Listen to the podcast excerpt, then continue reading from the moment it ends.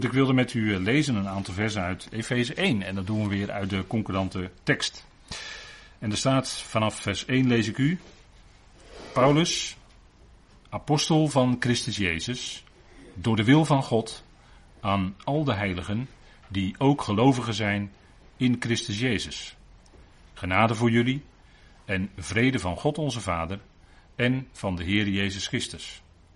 Gezegend zij de God en Vader van onze Heer Jezus Christus, die ons zegent met iedere geestelijke zegen, te midden van de hemelingen in Christus, zoals Hij ons uitkiest in Hem voor de nederwerping van de wereld.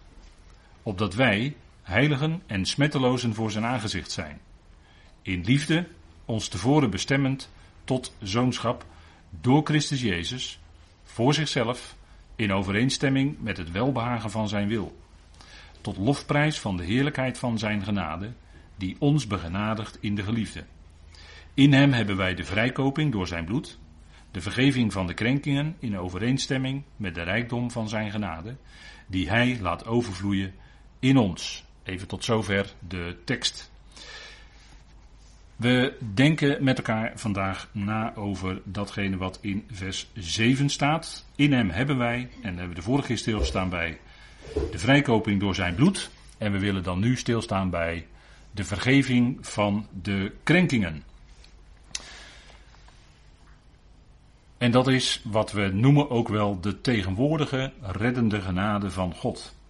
Paulus die stapelt met woorden in dit hoofdstuk. Het zijn uh, lange zinnen. Het is uh, wat dat betreft best wel pittig om te volgen, zo'n tekst. Maar dit is de genade die vandaag aan de dag nog steeds geldt. Dat is niet zo lang meer zo, want we leven tegen het einde van de genadetijd. De bazuin gaat bijna klinken. En daarmee worden ook de gerichten ingezet richting het einde van deze boze eon. En we leven in de boze eon, dat kan niet anders. Als u de opstapeling van de leugens eh, ziet om u heen en hoort en om u heen, dan kan het niet anders dan dat de vader van de leugen, dat is de tegenstander, dat weet u, die, dus de, eh, de mensenmoorden van het beginnen, de leugenaar van het beginnen. Diens geest werkt heel krachtig en steeds krachtiger als je daar oog voor hebt, als je daarop let. Dus we leven tegen, het einde van de boze eon. Maar nog steeds leven in de genadetijd. En wat bedoelen we dan als we zeggen we leven in de genadetijd? Dat is de heerlijkheid van Gods genade die in deze tijd geldt. En dat is ook dit zinnetje. In hem hebben wij de vergeving van de krenkingen in overeenstemming met de rijkdom van zijn genade. De vorige keer hebben we even stilgestaan bij dat woordje in overeenstemming met. Dat is een heel klein voorzetsel in het Grieks. Met in een bepaalde naamval. En dan heeft het te maken met harmonie dus. Hè, met dingen die met elkaar overeenstemmen. Die vergeving van de krenkingen is in overeenstemming met de rijkdom van zijn genade. Dat is niet zomaar natuurlijk uh, woorden die er zomaar bij staan, maar dat, is, dat wijst op iets natuurlijk. Hè? De heerlijkheid van de genade in deze Efezebrief is dat wij de vergeving van de krenkingen hebben. En dan zegt u misschien, nou het woord vergeving, um, we hebben toch in de Romeinenbrief geleerd dat het gaat om de rechtvaardiging, om niet. Ja zeker, dat is ook zo. Dat blijft natuurlijk gewoon staan. En daarom die toevoeging die Paulus erbij doet, in overeenstemming met de rijkdom van zijn genade. We gaan maar even wat inzoomen vandaag op die begrippen. En we willen kijken naar de begrip, het begrip vergeving natuurlijk. En begrippen zonde, overtreding en krenking. Want daar, dat zijn drie verschillende begrippen die Paulus nadrukkelijk gebruikt. En dan krijgt het wat meer, hoe moet je dat zeggen? Wat meer relief, wat meer uh, inhoud, wat meer diepte. En gaan we ook kijken naar de nadrukkelijke verschillen die er zijn. Want door het woord vergeving zou je op het verkeerde been gezet kunnen worden. En men trekt, maar dat is een wat oppervlakkige conclusie, lijkt mij. Uh, men trekt dan de parallel met wat klonk bij het evangelie van het koninkrijk. Zoals ik hier op deze slide ook heb gezet. Johannes, de Heer Jezus, Petrus en de apostelen predikten het pardon, dat is dan een ander woord voor vergeving, maar dat is in het Grieks hetzelfde woord. Het pardon, oftewel kwijtschelding van zonden. Zij predikten de vergeving, of de, het pardon, of de kwijtschelding van zonden. En hier in Efeze gaat het om de vergeving van de krenkingen. Dat zijn nadrukkelijk verschillende begrippen. En dat is ook een ander niveau. Kijk, bij de besnijdenis, u ziet het op het plaatje, was ook de doop in water onder andere een voorwaarde om deel te kunnen krijgen aan de zegeningen van het komende koninkrijk. En in verband daarmee moesten ze zich omkeren, hè, bekeer je, laat je dopen, zei Petrus op Pinksterdag. En je zult vergeving van zonde ontvangen, de Heilige Geest zal op je komen en zo zul je deel hebben aan het komende eonisch leven, hè, het komende leven in het koninkrijk. Dat was de voorwaarde die toen gold. En zowel Johannes de Doper als de Heer Jezus, als Petrus en de apostelen van de besnijdenis, die predikten de vergeving van de zonden. Dat hoort bij het koninkrijk. En hier spreken we dus met elkaar over iets anders. Hier spreken we over het evangelie van genade. En voor de tegenstelling heb ik deze dia even voor u een hele korte samenvatting in tegenstelling opgesteld, zodat u de verschillen ziet. Het evangelie van genade, zoals wij dat hier mogen bespreken in de brieven van Paulus, predikt vergeving van krenkingen zonder voorwaarden. En dat geldt voor alle natieën, dus zowel voor de gelovigen uit Israël als voor de gelovigen uit de natieën. En ik heb bewust even gewerkt met hoger en lager. Op een lager niveau is het evangelie van het koninkrijk je zou kunnen zeggen, bovenop de bergtop zitten wij met het evangelie van de genade. En onderaan in het dal is het evangelie van het koninkrijk, wat overigens nu niet geldt. Dat laat ik dat gelijk bij zeggen. Maar wat op een lager niveau dus is, is, de, is het pardon of de kwijtschelding van zonden met voorwaarden, die ik net al noemde. Keer je om en beleid je zonden laat je dopen in water. Dat zijn de voorwaarden voor Israël en de proselieten. Dus die aansluiting, u weet wel, Cornelius, hè, zijn met handelingen mee bezig. Cornelius was een proseliet. Aansluiting krijgen bij Israël, op lager niveau. Het hogere niveau is dus voor alle naties, ongeacht de afkomst naar het vlees. Dus ongeacht of je uit Israël bent of uit de volkeren. Je hebt de vergeving van de krenkingen. Dat is een hoger niveau. Je hebt het. En het heeft geen voorwaarden. Het is je, ja, om het zo maar te zeggen, je bezit, je, het geschenk wat jou in genade geschonken is, omdat God jou geroepen hebt en, heeft en jij een gelovige bent. Dus even voor, voor de verschillen hè, tussen die twee lijnen. Dat zijn twee verschillende lijnen in de schrift. En in prediking wordt dat helaas in het algemeen, en dan praat ik even heel grof binnen het christendom, niet uit elkaar gehouden. De ene, het zou toch eh, vreemd zijn als je vanaf hetzelfde podium op zondag de ene week zou horen over de vergeving van zonden uit de evangeliën en uit handelingen. En de andere zondag zou je horen over de vergeving van de krenkingen op hetzelfde podium naar het evangelie van de genade. Ik denk dat je dan bij de luisteraar wat verwarring aansticht. Hè? Dan, want dan gaan die lijnen door elkaar lopen. Want dan, dan als scherpe luisteraar denk je, er klopt iets niet. En dat is ook zo. Die lijnen moet je ook niet. Je moet ook niet twee verschillende boodschappen van hetzelfde podium gaan brengen. Dat moet je niet doen. Dan ga je de zaak met elkaar verwarren. En dan hou je uiteindelijk niks over. Hè? En dan wordt het een mix waarvan Paulus zegt in Galaten 1: dat is geen evangelie. En dan verlies je dus, wat krijg je dan? Nou, de ban, hè? het anathema, dan krijg je de ban. Wat wil dat zeggen? Je verliest de kracht, je verliest je geestelijke waarde, hè, enorm waardevol wat wij mogen overdenken, enorme rijkdom. En dat ga je dus verliezen omdat je onder die ban komt, omdat daar geen, uh, geen uh, uh, zegen, laat ik het zo maar zeggen even, een zegen van God op rust. Dan ben je, dat, dat is die ban. En dat ligt over de verwarring, hè, dat, dat zie je, die ban die zie je terug in de verwarring die binnen het christendom en de christenheid enorm aan de hand is. Dus als je vanaf hetzelfde podium twee verschillende boodschappen gaat brengen, dan, heeft, dan zegt Paulus, laat ik zo maar zeggen, dan zegt Paulus daar iets van. Hè? Paulus zegt daar iets van in gelaten 1. Ik denk dat dat toch duidelijke woorden zijn. Dat je dat toch moet, uh, dat je dat toch goed moet realiseren. Twee lijnen. We gaan kijken naar die begrippen. Wat ik daarnet al even noemde. Zonde, overtreding en krenking. En u ziet hier de boom met de vrucht. Nou, met uh, één plaatje zegt meer dan duizend woorden, zeggen ze wel eens. Hè? En dan de slang erbij, en dan weet u precies waar het om gaat. De oorspronkelijke eerste zonde, dat was een overtreding. Dat was niet alleen een zonde, Maar dat was ook een overtreding en het was een krenking. Nou, wat zijn nou de verschillen tussen die begrippen? Allereerst gaan we kijken naar het begrip zonde. En als ik tegen u zeg zonde, dan zegt u waarschijnlijk doelmissen. Dat is een hele bekende definitie, kortweg gezegd, hè? Doelmissen, zonde. Paulus die gebruikt dat begrip uiteraard ook, hè? In de bekende woorden in bijvoorbeeld Romeinen 3. Alle mensen hebben gezondigd en missen of schieten tekort aan de heerlijkheid van God. Hè? Romeinen 3, vers 23 eh, ergens, die koers. Alle mensen. Paulus had dat al eerder in eerdere versen vastgesteld. En dat is voor de mens niet zo'n prettige boodschap. De mens die door Paulus, de mensheid wordt door Paulus besproken heel scherp in Romeinen 3. En dan gebruikt hij een aantal bewoordingen. Laten we maar even met elkaar lezen.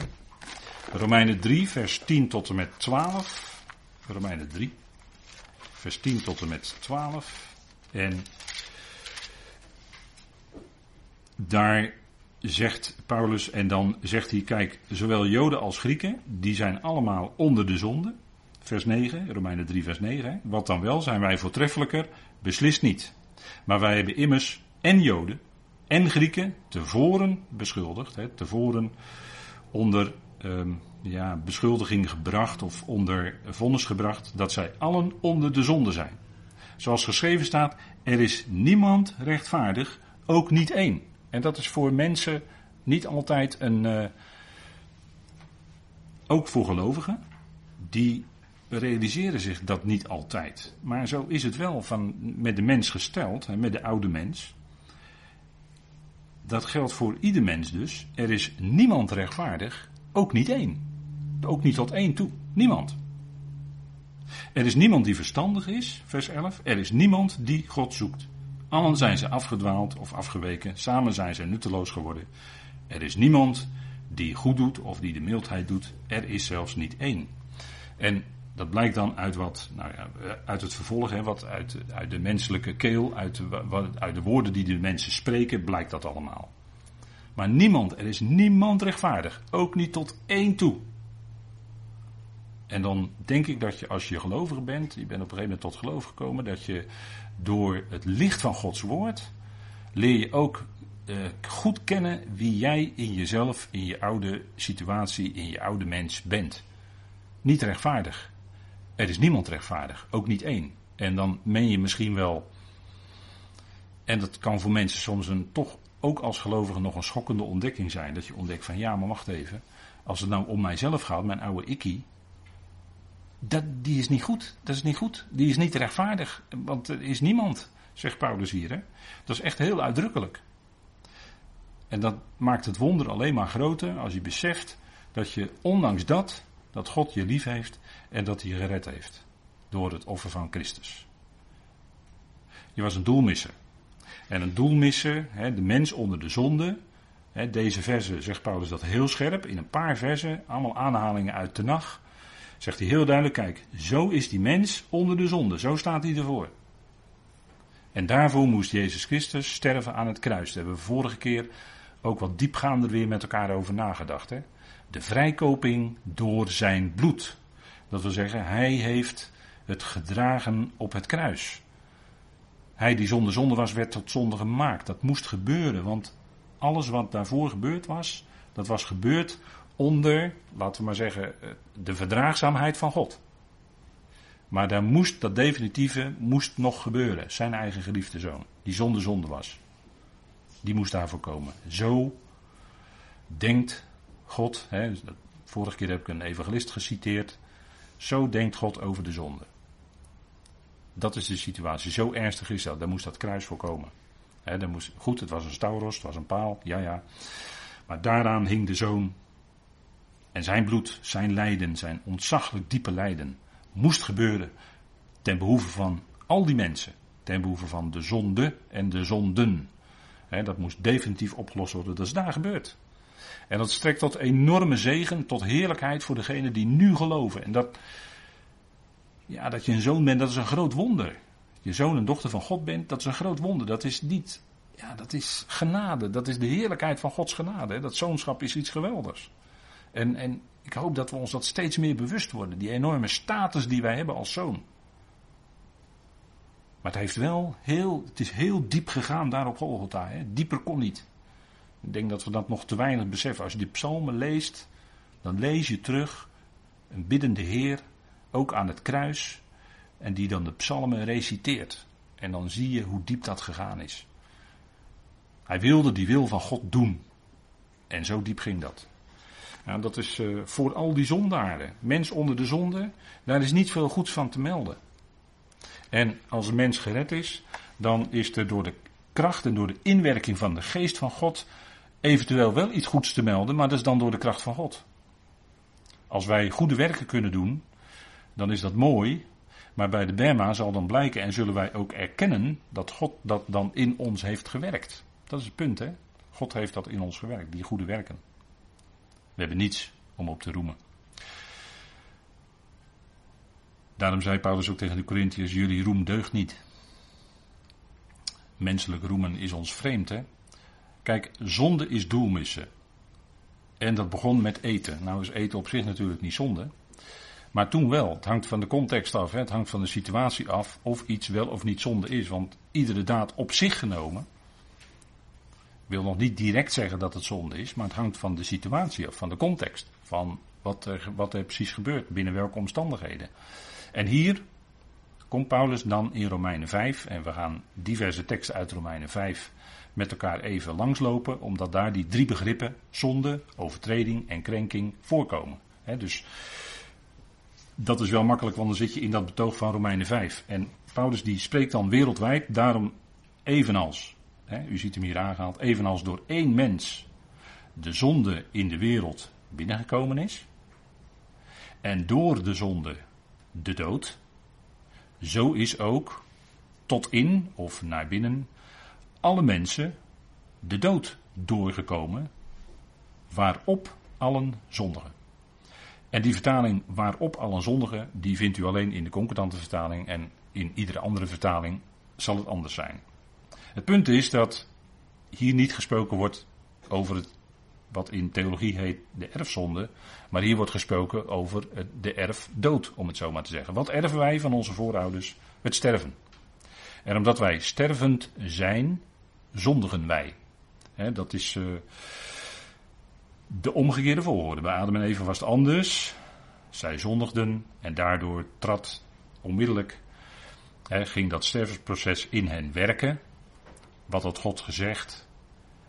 Op de dag dat je daarvan eet, zul je tot stervens toe sterven.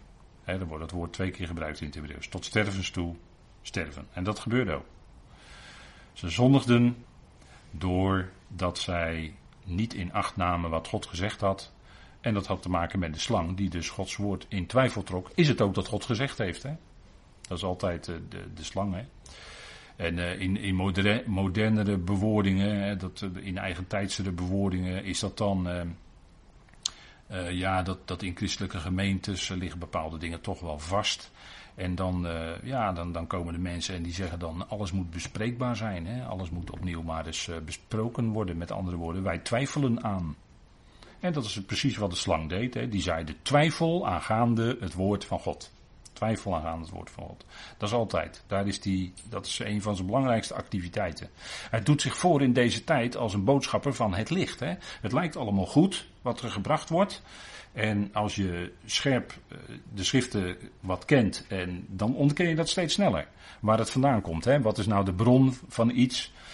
Hij doet zich voor als een boodschapper van het licht. En zijn dienaren doen zich ook voort als dienaren van de gerechtigheid. Paulus is in 2 Korinthe 11 best wel scherp wat dat betreft. Maar het is wel uh, de andere kant. Hè? Het lijkt licht, maar het is niet. Het lijkt licht, maar het is duisternis. En dat is het meest, dat, dan is de misleiding subtiel hoor. En zeker daar waar Gods woord in stelling wordt gebracht, om dat schijnbare licht naar voren te brengen.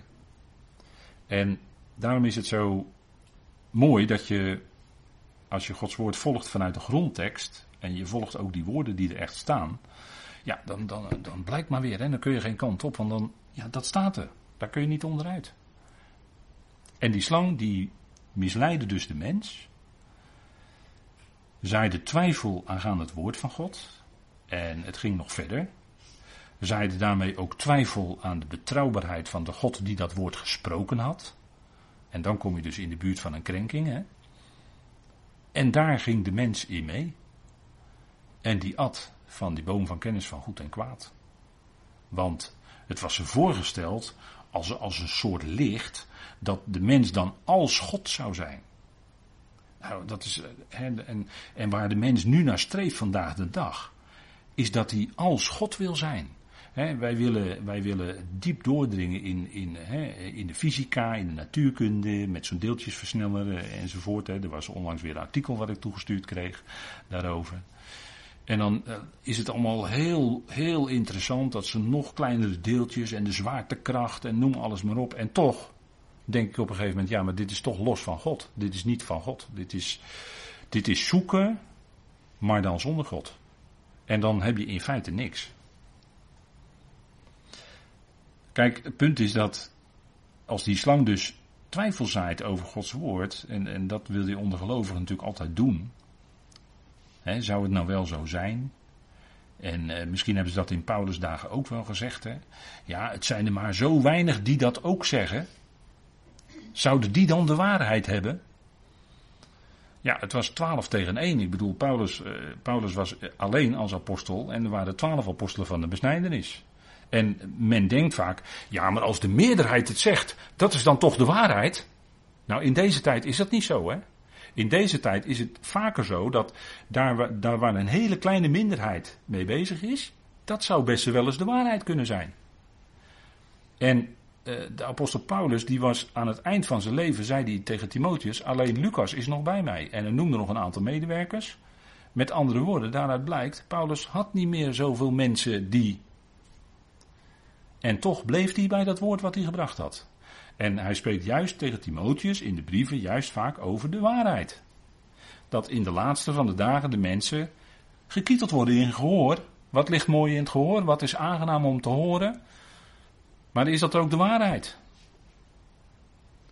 En het punt is dat als je dat dan mist, want we hebben het over zonde, hè? als je dat dan mist, dan zit je er net naast. En u weet het, hè? Een hele kleine afwijking, 1 mm, is over een hele lange tijd bij kilometers uit koers. Zonde, doelmissen. En dat is wat de mens ook deed. Door toch van die vruchten eten, zondigde zij en gebeurde dat wat God gezegd had. Het stervensproces dat in werking en uiteindelijk zien wij daar nog steeds vandaag de dag de gevolgen van. Zonde is doelmissen. En dat woord missen, dat uh, komt heel mooi naar voren in de, de u kent dat wel, hè, in Richter 20 vers 16, dat, waren, dat was die clash een broederstrijd tussen uh, Benjamin en Israël. dat, uh, dat gebeurde in, in, in uh, Richteren ging dat, worden de dingen gewoon beschreven zoals ze zijn. En het is allemaal heel grof, maar vandaag aan de dag is de mens nog niet veranderd hoor. Dus als er oorlog is, dan gaat het allemaal heel grof, om het zo maar te zeggen. En er staat er uit al dit volk, dat waren de Benjaminieten, er ontstond strijd. Hè. Uit al dit volk, de Benjaminieten, waren er 700 gekozen mannen die handicap hadden aan de rechterhand. Ieder van deze slingert de steen tot op een haar en hij zondigt niet. En er staat er in de vertaling en hij mist niet. Maar dat woord missen is hier het woord zondigen in het Hebreeuws. En het aardige is dat het woord slingeren, wat hier staat, hè, want eh, in de, in de vertaling staat misschien wel werpen, maar er staat eigenlijk slingeren. En dat komt maar vier keer voor in de schrift. En eigenlijk is het wel aardig, want bij de volgende keer, de volgende plaats waar het voorkomt, dat woord slingeren, daar gaat het ook om steenslingeren. Dat was bij David en Goliath. En David slingerde de steen, u weet wel, een van die vijf stenen die hij uit die beek had gehaald, die, in die hij in zijn tas had. En hij slingerde die steen en dan kwam in het, in het hoofd van uh, Goliath terecht. En David had dus niet daarmee gezondigd. Ja, hij doodde wel iemand en toch zondigde hij niet, want hij miste niet die steen. Die raakte Goliath. En Goliath, die, die natuurlijk ook op zichzelf weer een type is van de komende wetteloze van de antichrist. Maar hij raakte, hè, hij slingerde die steen en die dode Goliath. U, moet, uh, u kent die geschiedenis wel, hè? 1 Samuel 17 staat dat, vers 49. En u kunt, er zijn nog twee vindplaatsen, die zijn ook heel aardig, moet u maar eens uh, nazoeken. 1 Samuel 17, of 1 Samuel 25, vers 29. En Jeremia 10, vers 18. Dat weet ik niet uit mijn hoofd, dat heb ik hier gewoon staan hoor, in mijn aantekeningen. Dus u kunt dat voor uzelf eens een keer nalopen. Hè? Men, die Benjaminieten, en was koning Saul niet ook uit Benjamin? Rivaliteit tussen David en Saul enzovoort. Goed, maar die zondigde niet. Als de vertalingen hier nou het woord zondigen gewoon hadden vertaald, wat hier staat in het Hebreeuws, dan gaf dat veel licht. Want dan zie je wat zondigen dus is, dat is missen. En dit is ook een bekend woord. Dit is ook een bekend woord over wat zonde is. De, de essentie van de zonde is in feite een afwijking van een bepaalde norm. Zonde is wetteloosheid, zegt 1 Johannes 3, vers 4. En ieder die de zonde doet, doet ook de wetteloosheid. En de zonde is de wetteloosheid. Dus die norm, hè, wet of wetmatigheid, als je daarvan afwijkt, en met deze rails, u ziet het, hè, als je van de rails afwijkt, van de rechte, rechtdoor afwijkt, ja, dan, dan ga je naar links of naar rechts, maar je wijkt af. En dat is in feite zonde. Zonde is wetteloosheid. Afwijken van een bepaalde wet of van een wetmatigheid. En dat doet zich op alle niveaus voor. Hè, als een, bijvoorbeeld één lichtstraal vanaf van de gestuurde bron zou afwijken. Hè, God, Gods lichtstralen zouden even afwijken, dan zou dat zonde zijn. Vanaf God gezien kan dat natuurlijk niet. Want God zondigt nooit. God bereikt altijd zijn doel met wat hij inzet. En zelfs als God de zonde inzet, dan bereikt hij daarmee zijn doel. En dat is gebeurd in zijn plan. God schiep de tegenstander zo dat die tegenstander niets anders kon doen dan tegenstaan en zondigen. Dat is de bron. Daarmee is God niet de auteur van de zonde, maar God schiep de tegenstander als tegenstander. En die kon vervolgens niet anders doen dan zondigen. Daar ligt de bron. Dat, dat is het ontstaan, hè? daar komt de zonde vandaan. En alles wat dus in, de, in, het, in het universum of in het menselijke bestaan, of, of hoe je het ook maar benoemen wilt, alles wat van wetmatigheden afwijkt, dat is in feite zonde. En dat is wat Johannes hier zegt. De zonde is de wetteloosheid. In bepaalde kringen wordt het begrip zonde uh, jammer genoeg beperkt. Dat men zegt uh, zonde is een overtreding van de wet. En dan bedoelt men de wet van Mozes. dat zijn mensen die dat heel sterk als achtergrond al steeds hanteren voor alles. Zonde is overtreding van de wet en die beperken het daartoe. Nee, de zonde is veel breder. Dat is iedere afwijking van welke norm dan ook die God gesteld heeft. En dat is de meest brede opmerking die in de schrift gemaakt wordt. Zonde is wetteloosheid. En als God bepaalde normen heeft aangelegd binnen de mensheid, binnen, de, binnen het menselijk bestaan, en jij wijkt daarvan af, dan is dat zonde. Als je afwijkt van die norm, dan is dat zonde. En dan ondervind je daarvan de gevolgen. En bij het eerste menspaar, Adam en Eva, die ondervonden daar de enorme gevolgen van. Zij werden verdreven uit de hof enzovoort.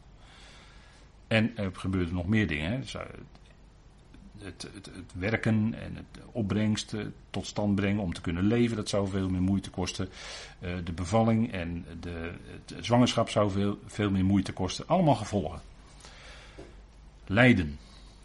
Lijden was ook het gevolg van de zonde. En dat bleek in feite al uit de eerste eon, die eindigde in een catastrofe, in een cataclysme.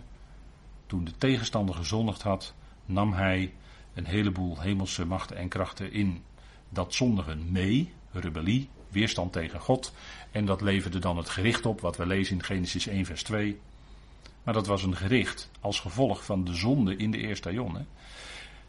En nu is door Adam en Eva is dus die zonde in het menselijk bestaan, hè, in de wereld, in, in binnen de mensenwereld gekomen. En door die zonde de dood, het sterven. En op grond van dat de mens stervend is, zondigt hij. Kan hij niet aan ontsnappen. Nou, dat is in een paar, paar zinnen gezegd eigenlijk de essentie van waar het bij zondigen om gaat. Hè. Het is afwijken van de norm. En dat is ook met Gods woord, hè, als we het hebben over de schrift, dan ben je met het, het vertalen en met het, uh, het aanbrengen of het aangeven van hoe staat het er nou echt, daar kun je eigenlijk ook niet van afwijken. En zodra je dat gaat doen, dan missen die woorden van God dan ook op dat moment zijn doel. Want je doet er geen, je, het ligt bij jou, want jij doet op dat moment geen recht aan wat God zegt. Dus heel dicht blijven bij die begrippen die God gebruikt heeft.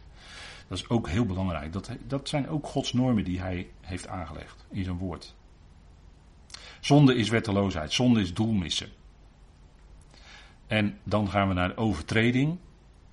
En u ziet in dit plaatje een verkeersovertreding. Want deze fietser die rijdt door rood licht. De wetgever heeft gezegd als het licht op rood staat moet je als auto en als fietser stoppen. Doe je het niet, rij je door rood, dan overtreed je die regel. Heel simpel hè. Maar dat is een overtreding.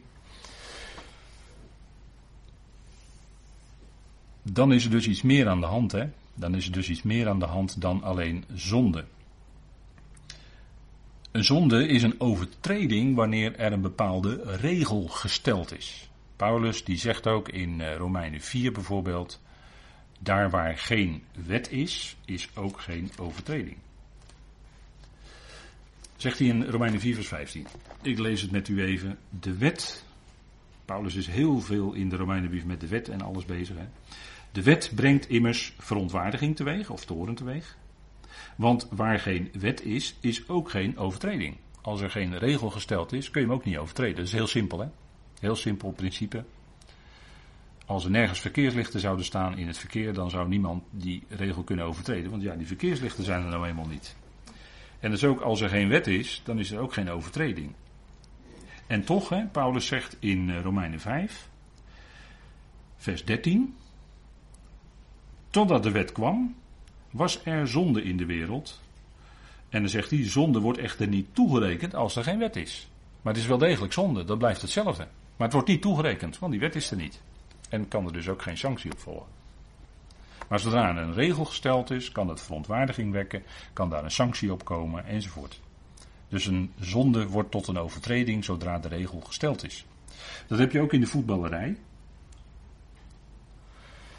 En dit is een duidelijk voorbeeld van als iemand getackeld wordt, dan uh, dat is ook, uh, dit is ook de man spelen, hè, niet de bal, weet u wel. U weet uh, dat dat ook in het geestelijke zo werkt. Hè? De man spelen en niet de bal is als je niet op de inhoud kan winnen, als het gaat om de schrift. Als jij het niet op de inhoud kan winnen van de schrift, hè, om het zo maar te zeggen. Want er is altijd strijd om Gods woord, dat weet u wel. Maar als jij het niet op de inhoud gaat winnen, wat gebeurt er dan? Dan gaat men niet meer de bal spelen, dus niet meer op de inhoud, maar dan gaat het om de man. En dan krijg je wat we in het dagelijks leven noemen framing. Framen, iemand framen. Het gaat dan niet meer om de inhoud, maar het gaat om iemand, een, een, iemand in een bepaald kader zetten, framen. Zo van ja, maar dat is die en die in de politiek en uh, die, die en die. En dan wordt er een frame gezet. Maar het gaat dan helemaal niet meer om de inhoud. Het gaat dan om dat die persoon zich in een bepaalde gedachtehoek of wat dan ook bevindt, of een bepaalde politieke richting. dat, dat wordt dan centraal gesteld, maar niet meer de inhoud waar, waar het debat eigenlijk over moet gaan. Nou, en dat is ook in het geestelijke bereik zo. Als men niet meer de bal speelt, als men niet meer op grond van Gods woord het kan weerleggen, dan gaat men tackelen. Dan gaat men op de man spelen of op de spreker spelen. Nou, hier zien we een duidelijk voorbeeld van een overtreding. Hier wordt niet de bal gespeeld, maar de man wordt getackeld. En dan zal de scheidsrechter fluiten en al dan niet de gele kaart geven en een vrije trap in ieder geval. Een overtreding, dat is letterlijk ernaast stappen. dat is een naaststap. Of je kan ook zeggen het is uit een band of uit de banden stappen. Je wijkt af, heel bewust, van een bepaalde wetmatigheid of een bepaalde regel die gesteld is en je stapt uit de banden. Dat is ook wat eh, God zegt in Psalm 2 hè, van de volkeren. De volkeren die verenigen zich, hè, de verenigde naties gaat er dan over. En die volken verenigen zich en wat zeggen zij in feite door hun gedrag, hè, die Verenigde Naties, laat ons hun, laat ons zijn banden van ons werpen. Met andere woorden, wij maken zelf wel de dienst uit. Wij willen niet dat die God van Israël de dienst uitmaakt, of die God van het christendom, van de Bijbel. Nee, wij willen zelf de dienst uitmaken. Wij, de, wij zetten de mens centraal. En dat is in de tijd waarin wij nu leven. dat is wat, uh, wat uh, ik, ik heb boeken thuis staan, ik heb het wel vaker genoemd. Maar die boeken die gaan over de komende dictatuur van de humaniteit. Dat waren boeken van 20, 30 jaar geleden. En die voorzegden precies wat er vandaag gebeurt. Exact. Dit is de dictatuur van de humaniteit. Het gaat om mens tot mens. Wordt, de mens stelt zichzelf tot norm. Humanitair stelt zichzelf tot norm. En dat, dat is dan de norm. Hè? We hebben het ook steeds over de mensenrechten. Weet u wel? Mensenrechten. Sinds de Franse Revolutie, geloof ik, hè? He, egalité, fraternité, liberté, u weet het wel, die slogan uit de Franse Revolutie. En in het kielzog daarvan kwamen de mensenrechten. En op basis daarvan kunnen de mensen matigen zich bepaalde rechten aan of mensenrechten worden geschonden. En ik zeg niet dat het allemaal verkeerd is, maar wel dat daarbij God ontbreekt. En dat was ook precies de, het punt van de Franse Revolutie. Dat was laat ons de banden, want de geestelijkheid moest liefst ook onder de guillotine, hè, naast de adel. Laat ons de banden van God van, van ons werpen. En wij, zullen, wij zetten onszelf als mens wel centraal. En dat gaat culmineren in de wetteloze. Die zal zich in de tempel van God zetten. En zich zal, laten aanbidden als is hij een God. Daar, daar gaan we naartoe. Dat gaat gebeuren allemaal. En de stappen daar naartoe worden gezet natuurlijk in deze tijd. De mens centraal, dat zal culmineren in de wetteloze. En dat is het toppunt ook van de zonde, het toppunt ook van de boze eon. Die door de boze beheerst wordt. De hele wereld ligt in het boze, zegt Johannes. En dat is ook zo. Hij is de God van deze eon, met de kleine letter. God met de kleine letter vooral. De God van deze eon, zegt Paulus in, eh, in 2 eh, Korinthe 4. De hele wereld ligt in het boze. Dus wat kunnen we dan uit die wereld eigenlijk verwachten aan licht? Ik zeg niet dat die mensen allemaal verkeerd zijn, maar wat kunnen wij nou uit de wereld verwachten aan licht? Nee, we hebben het licht van Gods woord, dat is van belang. En, en dit is ook wat, Paulus hier zegt, hè, als het gaat om een overtreding, Romeinen 5, vers 14. Overtreding, dat is als je ernaast stapt. Je zou ook kunnen zeggen, het is een misstap. Niettemin heeft de dood geheerst van Adam tot Mozes. Ook over hen die niet gezondigd hebben in de gelijkenis van de overtreding van Adam. Dus het zondigen van Adam was niet alleen een zonde, maar het was ook een overtreding. Het was een uitdrukkelijk overstappen, hè, over het gebod, hè, wat God gezegd had, heen stappen en toch van die boom eten. En natuurlijk, Adam is dan een type, een voorbeeld van hem die op het punt staat te komen. En dat is ook zo. De Heer staat op het punt te komen. Eerst krijg je de onthulling van de wetteloze, 2 Thessalonicense 2. En daarna krijg je de Heer zelf, die komt, zijn onthulling. En dan zal hij die wetteloze niet doen door de geest of de adem van zijn mond, door wat hij spreekt. Maar Adam is een type van hem die op het punt staat te komen, van onze Heer Jezus Christus, de laatste Adam. En als je ja, mensen die worden in deze tijd door al die berichten en, en je, je gedachten kunnen zomaar met je op de loop gaan. Mensen zijn onrustig en, en ja, dat heb je ook met mensen die op een gegeven moment eh, tot geloof zijn gekomen. En, en ja, dan, dan komt het, dan, dan willen ze, ja, ik ben tot geloof gekomen en dat is eigenlijk wel goed. Ja, het is allemaal genade, is allemaal wel goed. En die doen daar verder weinig mee. En die volgen ook verder niet zo de schrift. En dat bedoel ik helemaal niet verwijtend. Maar dan heb je goede kans dat als je daar niet echt mee verder gaat, dat je ja, met andere dingen bezig gaat. Andere dingen die jou onrustig maken van binnen. Dat gaat om van binnen. Is, nou, is er nou van binnen, in jouw hart, in jouw geest, is daar nou echt rust? de Heer Jezus die zei dat toch, komt alle tot mij die vermoeid en belast zijn en ik zal je rust geven. Nou, als je dat evangelie hebt leren kennen, dan geeft dat als het goed is enorme rust in je hart. Maar wat je vervolgens als gelovige toch weer onrustig kan maken, is als je alleen maar voedt met al die berichten die er tegenwoordig zijn. En uh, is een lawine aan berichten natuurlijk, door alle media. Maar dan word je, als, je, als je daardoor laat bepalen, word je als, ook als gelovige onrustig. En ongemerkt kan het zijn dat het accent dan van wat jij leest verlegd gaat worden naar, van de schrift naar al die berichten. En is dat dan nog iets wat jou rustig maakt? Nee, ik denk het niet. Ik denk dat het eerder jou onrustig maakt. Het punt is, als je verder gaat met dat woord, dan is dat iets wat geweldig uitwerkt in je leven. En het gaat om die innerlijke rust. De rust van het geloof is dat. Daar heeft de Hebreeën schrijver het bijvoorbeeld ook over. Die rust van het geloof. Leef je daar nou ook echt in? Hè? Ervaar je dat nou ook elke dag? Die rust en die vrede van het geloof. Dat is fantastisch als je dat hebt. En dan kan je het ontzettend druk hebben met allerlei activiteiten, allerlei dingen bezig zijn, noem maar op. Maar van binnen heb je die rust. Dat is van belang. En kijk, die overtreding, om nog even terug te komen op die overtreding. Kijk, die zonde van Adam en Eva was uh, ook een overtreding. En dat gebeurde nadat die tegenstander twijfel had gezaaid in de gedachten, in het hart. En ze dachten toch heel eventjes van, laten we nou... En ze zagen dat die boom, die was begeerlijk om van te eten. de begeerte zit in het vlees natuurlijk. En zij aten toch van die boom. En dat had enorme gevolgen. Zonde bleek ook overtreding te zijn. Ja, en dat heeft zo zijn gevolgen. En daar sprak de Heer ook over. En ik